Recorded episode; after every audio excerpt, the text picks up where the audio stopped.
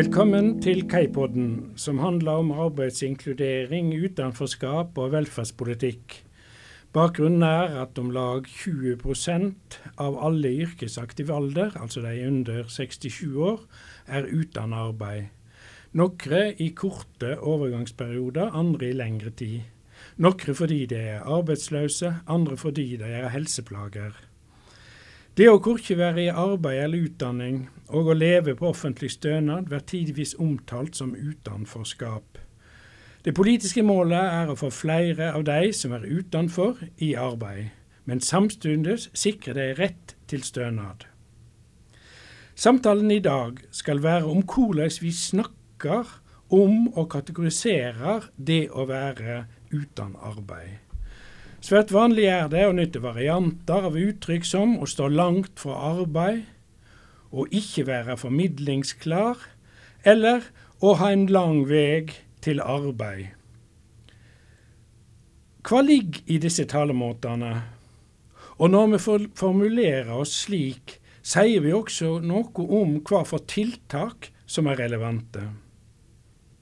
Det er jeg, Lars Inge Terum, som er vert i Kaipodden. Når jeg ikke sitter i dette studio, er jeg professor ved Oslo OsloMet. Forkortinga KAI viser til Kompetansesenter for arbeidsinkludering, og dette senteret er her ved Oslo OsloMet.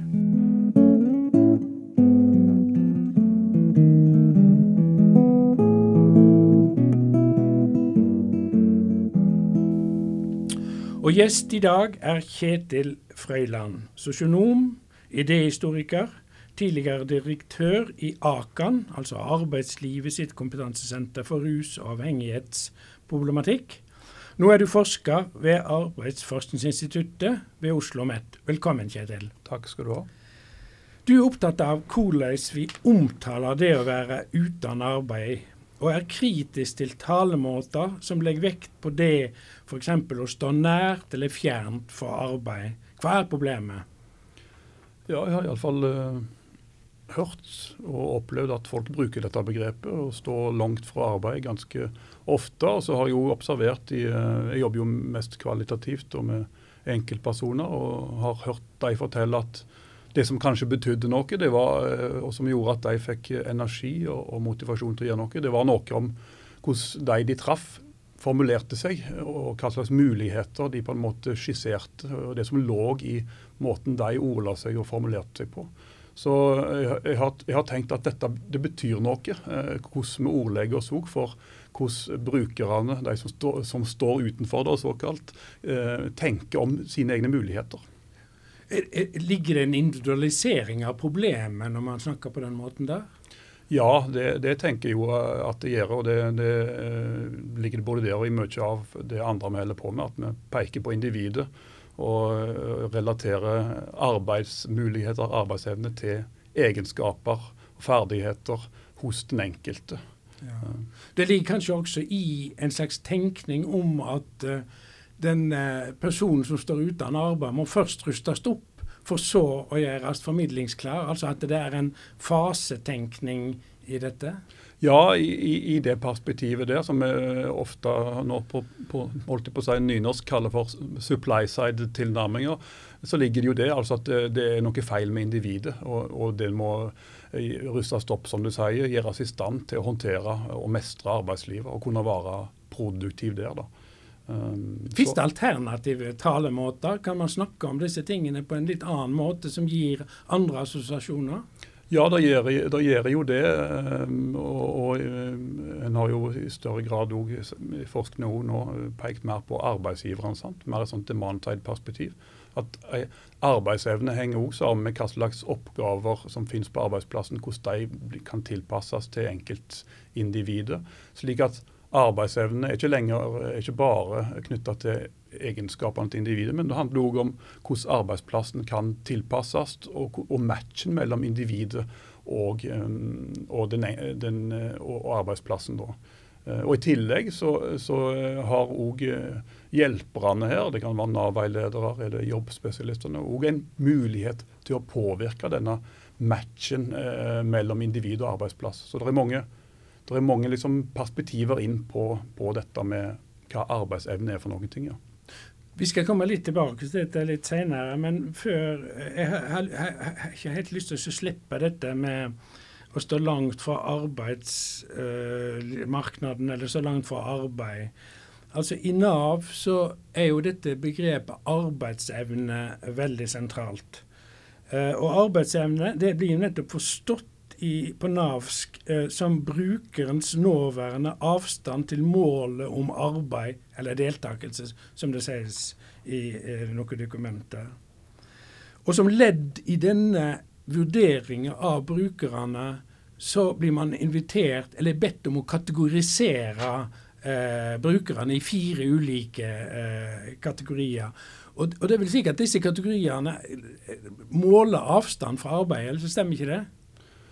Ja, det, det kan, jo, det gjør jo det. Eh, det ligger vel jo indirekte i det. Sant? At du har noen som på mange måter klarer seg sjøl, og noen trenger eh, ekstra spesialt tilpassa innsats. Og andre igjen blir, nest, blir plassert utenfor nesten med, med en gang. Eh, så, og Jeg skjønner jo at en i Nav har behov for å tenke ulikt om ulike, eh, ulike bistandsbehov, at en trenger ulike tiltak. Men det er klart det er nok uheldig med å lage noen kategorier her. fordi det, det gir jo òg føringer på hva en tenker er mulig. Og, sånn at det, det, kan være uheldige sider, sider ved dette òg. Og det er helt klart fundert på en sånn supply side-tenkning. at det er arbeidsevne er knytta til egenskaper hos individet. Eh, noe som ikke stemmer, eh, vil, vil jeg hevde. Da, sant? De fleste av oss har brukt mange år av våre liv på å finne en jobb som vi passer godt i. Eh, sånn at det, det, er noe som gjelder de fleste av oss. at Det er ikke bare jobben. Det er ikke bare dine egne egenskaper, men det er òg jobben og oppgavene, og hvordan du passer inn der. Ja, og, og, det er jo slik også i Nav at disse kategoriene de blir jo ofte kalt for innsatsgrupper. Og i det ligger det på en måte at de signaliserer noe om hva slags tiltak du kan få. Slik at du må komme i bestemte kategorier for å få bestemte typer tiltak. Og dermed så er jo tiltakene også inne og bidrar til kategoriseringen. Ja. Er det problematisk? Ja, øh det kan jo være, Jeg kommer på et eksempel Ifra, Jeg har jobba en del med, med, ungdom. Eh, og Tidligere, sant, så når ungdom ramler ut fra videregående skole uh, i løpet av høsten, og de som sliter mest, er kanskje de som eh, får eh, fag sant, som ikke trives så godt på. Så ramler de ut i løpet av høsten, og så starter neste skoleår neste høst. Så de blir da gående ledige. Men da kunne en tidligere bruke tiltakspenger fra Nav og gi dem en jobb og gi med litt lønn etc. Men så kom denne Nav-debatten opp, at det var stort misbruk av Nav sine ytinger. Sant? Og dermed så stengte en den muligheten. Uh, med unntak for de som har nedsatt arbeidsevne. Så hvis du, hvis du på en måte kvalifiserer i, i, negativ retning, altså at du er svak nok eller har store nok problemer, så kan du få dette nå. Så for å, I stedet for å da kunne liksom tilby en en jobb og noe lønn rundt dette som kunne bidra til motivasjon, så, så må du nå på en måte stemples, stemples litt som, som, med svak arbeidsevne for å kunne få, få dette. Da. Du har allerede sagt, og du eh, er opptatt av at en må forstå dette arbeid, altså forholdet mellom den enkelte og mulighetene på arbeidsmarkedet på en litt annen måte. Du eh, har argumentert for at eh, eh, det er viktig å se på de mulighetene som ligger i arbeidsmarkedet og i arbeidslivet. Du snakker om arbeidslivet som meningsskapende og helsefremmende. At arbeid og aktivitet er noe som faktisk kan bidra til at en blir frisk. Altså at det er noe positivt, og at oppfølgingen av de som står utenfor, derfor bør knyttes til det mest mulig til det ordinære arbeidsmarkedet. Du snakker om uh, det ordinære arbeidsmarkedet som mål og middel. Hva, hva legger du i det? Ja, det, det er jo uh, fordi, fordi en, mange av oss har tenkt at, og tenker fort at når folk har visse utfordringer, som det kan være psykiske helseproblemer, rusproblemer og sånt, så, så passer de ikke inn i arbeidslivet. Men det er jo masse erfaringer som eh, peker i retning av at det er fullt mulig å, å håndtere og gjøre en jobb og gjøre noen oppgaver, selv om du har ulike typer utfordringer. og Derfor så, så ønsker jeg jo å, å, å, løfte denne muligheten. Sant? At det, faktisk, det er faktisk mulig allikevel å, å, fungere i et arbeidsliv, bidra til fellesskapet, være produktiv, lykkes selv om en har store utfordringer. Og Det, det er jo bare å ta, ta, en kikk på hvem det er som jobber i dag i arbeidslivet òg. Du finner folk med all slags utfordringer i arbeidslivet. Det handler ofte om en match det jo, sant? mellom individet og og, og, og oppgavene. Men, men, hva slags kompetanse står det om? Altså, hva, hva, hva, slags kompetanse trengs for å få til den matchen mellom den enkelte sine evner og, og uh, arbeidslivet sine krav, eller arbeidsplassen sine ja, det er, det, det er, jo det, vi har prøvd å bake inn i dette begrepet inkluderingskompetanse. Det at du må på en måte kjenne brukeren, person evne å forstå denne, denne, eh, og hva vedkommende kan og, og, ikke kan. Men samtidig må du ha kunnskap om hvordan du kan bruke arbeidsplassen på en måte som eh, skaper mestring. Både individuelt, men òg i forhold til fellesskapet på, på, arbeidsplassen. Og Det er denne koblingen her som på mange måter har, eh, har vært litt, det har vært lite fokus på da, i, i utdanninger som sosialt arbeid andre plasser. En har fokusert på individene, men ikke på at en må òg ha en kunnskap om, om arbeidsplassen og hvordan den kan brukes på en god måte. Da. Men her er det kommet et nytt begrep inn, nemlig jobbspesialister. Hva, hva er det for slags uh, Er det en uh, yrkesgruppe, eller altså, Det er jo mye snakk om jobbspesialister innenfor inkluderingskompetanse. Ja, det, det, og det har vært ulike begreper i bruk på disse. Uh, job, coach, tilrettelegger, uh, hvis du går litt tilbake i tid. Men det er jo ei, uh, ikke om det er yrkesgruppe, men det er, det er stilling iallfall, som er knytta opp mot dette uh, supported employment-tiltaket ofte. Som jo er en sånn person som skal kunne noe om, om arbeidsplassen og hvordan den kan brukes. Og så er det litt ulike tilnærminger til hvordan de jobber. Men men poeng, hovedpoenget er jo nettopp at de skal liksom, eh, bygge relasjoner til arbeidsgivere for å skape muligheter for sine, sine brukere. Da. Hva slags utdanningsbakgrunn har disse jobbspesialistene?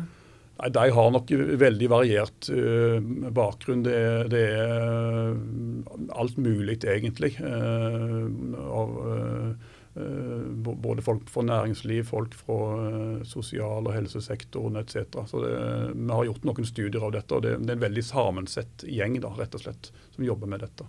Det, betyr det at eh, det de skal kunne, lære de først og fremst etter at de har tiltrådt som jobbspesialister? Det tror jeg De lærer nok noe etter at de har starta òg. Eh, men jeg tror jo eh, noe av fordelen med at de har ulik bakgrunn, er at de har med seg veldig ulik ballast. Fordi de, de må evne å snakke med arbeidslivet. Sant? Så da trenger du folk som eh, kanskje har, kan snakke med advokater, og du trenger folk som kan gå inn på en mekanisk verksted trenger veldig ulik kompetanse for å, for å, få tillit til de ulike miljøene. Så jeg tror uh, Dette lærer du ikke på det uh, i den stillingen. Uh, så Sånn sett så tror jeg du må ha med deg noe av dette på, på, for, på forhånd. Men et, et, kritisk ledd i, i den tenkningen om det ordinære arbeid som mål og, og middel og mål, det er jo at arbeidsgiverne er interessert i å delta og hvorfor skal arbeidsgiverne være interessert i å tilsette personer med helsemessige utfordringer? Ja, det, det viktigste for arbeidsgiverne er jo å få tilsett folk som kan gjøre jobben. Det er de interessert i. Uh, og det er klart Noen tar et sosialt ansvar. og Det er mange arbeidsgivere som er veldig rause og ønsker å tilsette folk med helseutfordringer, for de, har, de, har, de har, kan ha egne erfaringer på det. Men hovedpoenget er jo at arbeidsgiverne ønsker å få produksjonen til å gå rundt. Eh, og Noe av det utfordringa til disse jobbspesialistene og andre er jo nettopp da å finne fram til arbeidsevnen til den enkelte og selge den til arbeidsgiver. Altså at en matcher arbeidsevnen hos den enkelte med de oppgavene som denne arbeidsgiveren trenger å, å, å løse. Og det, det, er jo da en får arbeidsgiverne med på dette ofte. Er det generelt vanskelig å finne arbeidsgivere som uh, vil delta i disse, uh, i disse rekrutteringen av, av folk med hull i CV-en, som da blir omtalt? Ja, Det tror jeg er veldig varierende. Eh, hvis vi tar eksempelet unge, så i eh, flere av de tiltakene som, eh, som, jeg har vært i kontakt med, så sier de at det er ikke noe vanskelig å få med arbeidsgivere på dette. Men det er klart mange arbeidsgivere har jo òg mye goodwill for ungdommene i, i bygdene sine sant? Og, vil, og vil stille opp for dem. Men, men et bilde vi får, er jo at det ikke nødvendigvis er så vanskelig. Men det handler om hvordan da disse eh, Nav-veilederne eller jobbspesialistene eh, evner å snakke med arbeidsgiveren, og hva slags støtte og bistand de på en måte gir. da. Eh, sånn at Arbeidsgiveren er ikke en, en fast, en fikst størrelse på en måte. De kan òg jobbes med for å være med på dette. For, så, så, Det er òg noe av det som ligger i dette inkluderingskompetansbegrepet. Altså dette å, å, jobbe med, være i dialog med arbeidsgiver, få dem med på tenkninga, rett og slett. Og, og at òg da Nav-veilederen eh, eller jobbspesialisten bistår sant, til at arbeidsgiver kan gå inn og gjøre det som er, er nødvendig. En av begrunnelsene for at man skal bruke bruke det ordinære arbeidslivet som middel og mål, det er at det er mer effektivt. Ja. Uh, Fins det solid dokumentasjon på at det er mer effektivt? Og er det mer effektivt bare med å, å få de i arbeid, eller er det å få de til å forbli i arbeid? Ja, studiene viser jo, eh, og det er særlig på IPS, at, at, det, at en har en større andel som en får i arbeid, men, men at det er fremdeles utfordringer knytta til dette å få de til, til å beholde jobben sin over tid. Så, eh, så det er, mye, ugjort på dette feltet her, eh, helt klart. Og, og noe av utfordringa nå er jo nettopp dette hvordan kan en få folk til å stå i jobb over tid, og at en da må tenke Eh, enda mer inn på arbeidsplassen sant? Og, og bygge bistand og støtte, og, og ikke minst eh, klare å organisere arbeid på en sånn måte at, eh, at det måte fungerer inkluderende da, for de som, som deltar. Men, men, hvis en snakker her om ikke bare at folk skal inn på, i arbeidslivet, men folk, man skal også på en måte sikre at de blir i arbeidslivet, blir ikke dette arbeidet som vi snakker om da, eller, eller, det som skal gjøres, plutselig det samme som HR-arbeidet i, i, i virksomhetene? Ja, det kan jo være noe overlapp der. Eh, absolutt. Eh, det er jo systemer, det er forskjell på om du er en insider eller en outsider på en måte. Det Er klart, er du ansatt i dag, så er det en rekke med tiltak eh, som kan bli iverksatt for å hindre at du feller ut. Og, og um, Dette er jo ting jeg har sett mye den gangen jeg jobba med rusmiddelforebygging i arbeidslivet. Sant? Der du, folk jobber i bedrifter og setter inn store krefter over mange år for å holde på folk. Eh, så det er, er ganske viktig. og Jeg tror jo at det er mye likt i de behovene. Eh, men det er en annen inngang når du allerede er tilsatt og har et arbeidsforhold, enn, enn når du kommer utenifra eh, og er en fremmed for, for, for bedrifter. Men er, er, denne arbeidsmetoden som du beskriver, fungerer den like godt for alle typer brukere? Og er det på en måte en litt sånn eksklusiv sak som det er snakk om litt sånn småskala? Eh, eller, eller kan man tenke seg dette i stor skala? Ja, Det prøver en jo på en måte ut nå i Norge. sant? Hvis det er IPS og SS som du tenker på, så har jo økt kraftig nå de siste åra.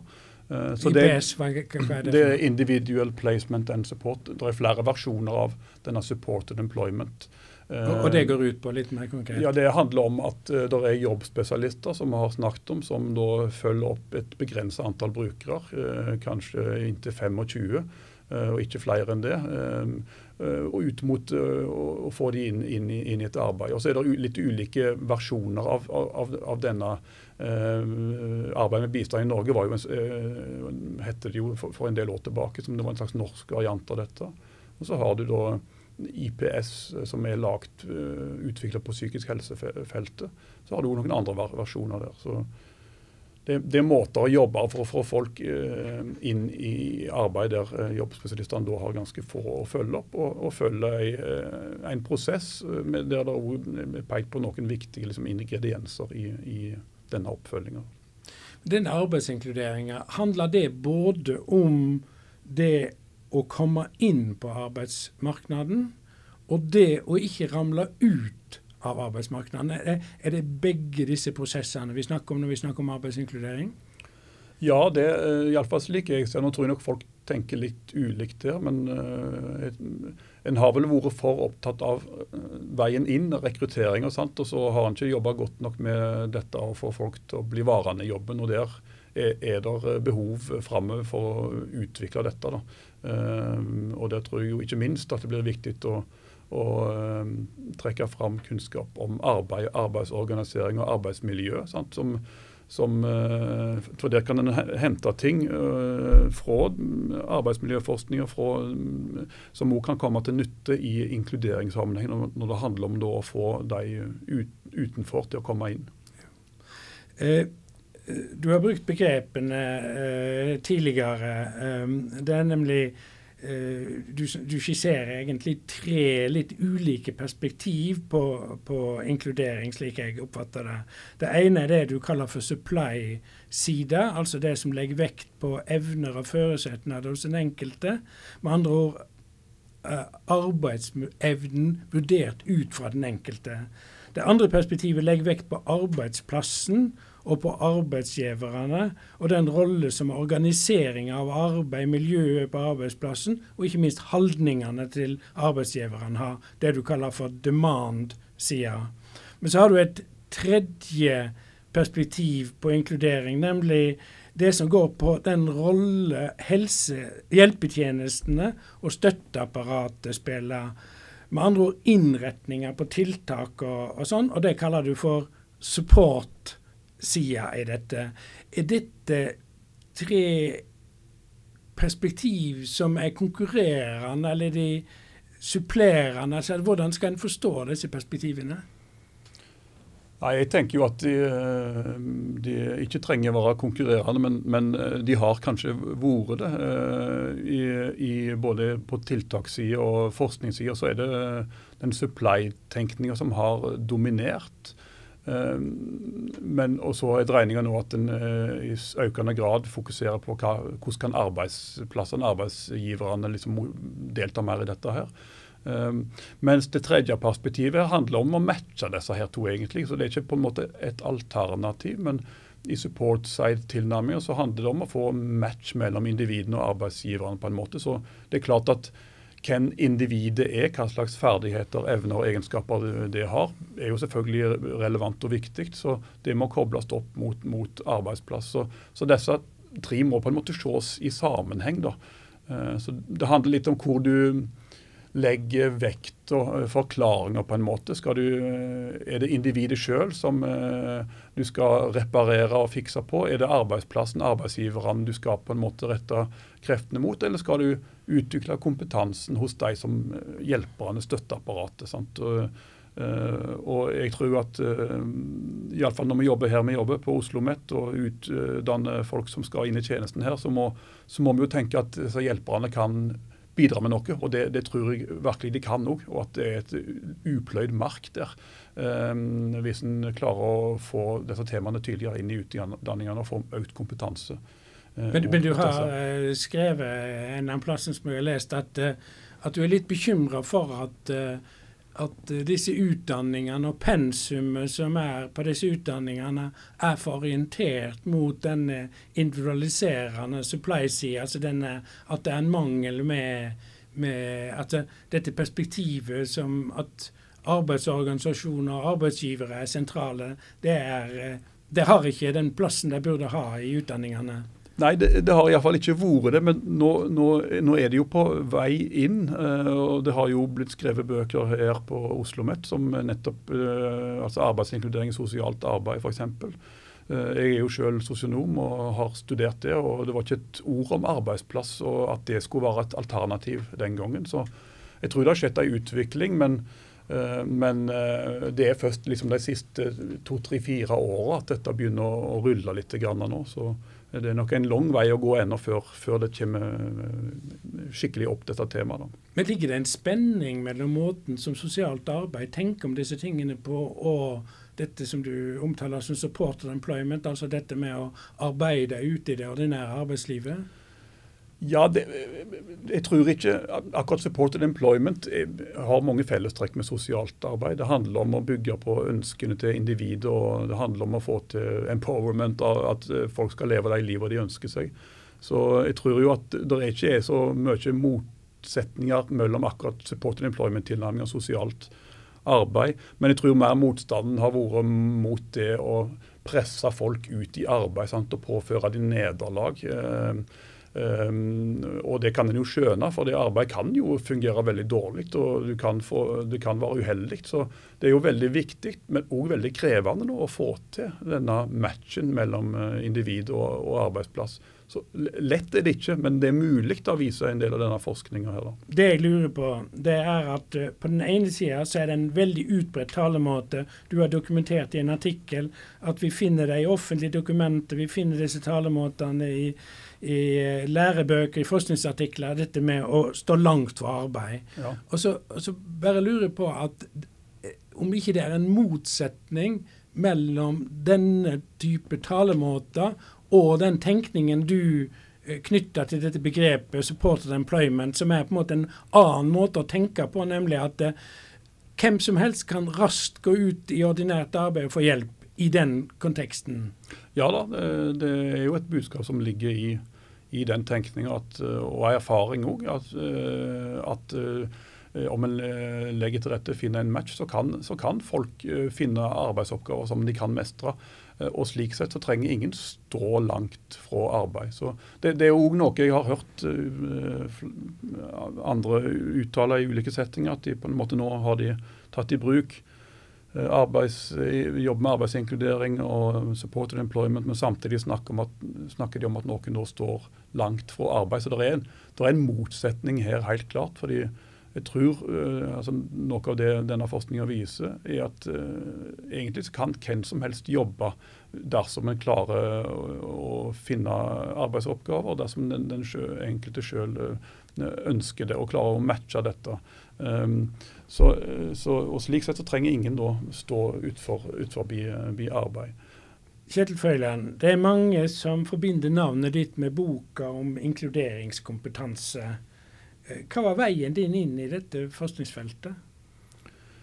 Det var vel at jeg kom, begynte å jobbe som, eh, som forsker på AFI, og der en jobba med bl.a. dette temaet. og så Eh, ble en del av det miljøet der, og så eh, balla det på seg med ulike prosjekter. Eh, og, og så Men det er ikke snakk om en motivasjon, en interesse som lå forut for at du tilfeldigvis ramla inn på et forskningsinstitutt?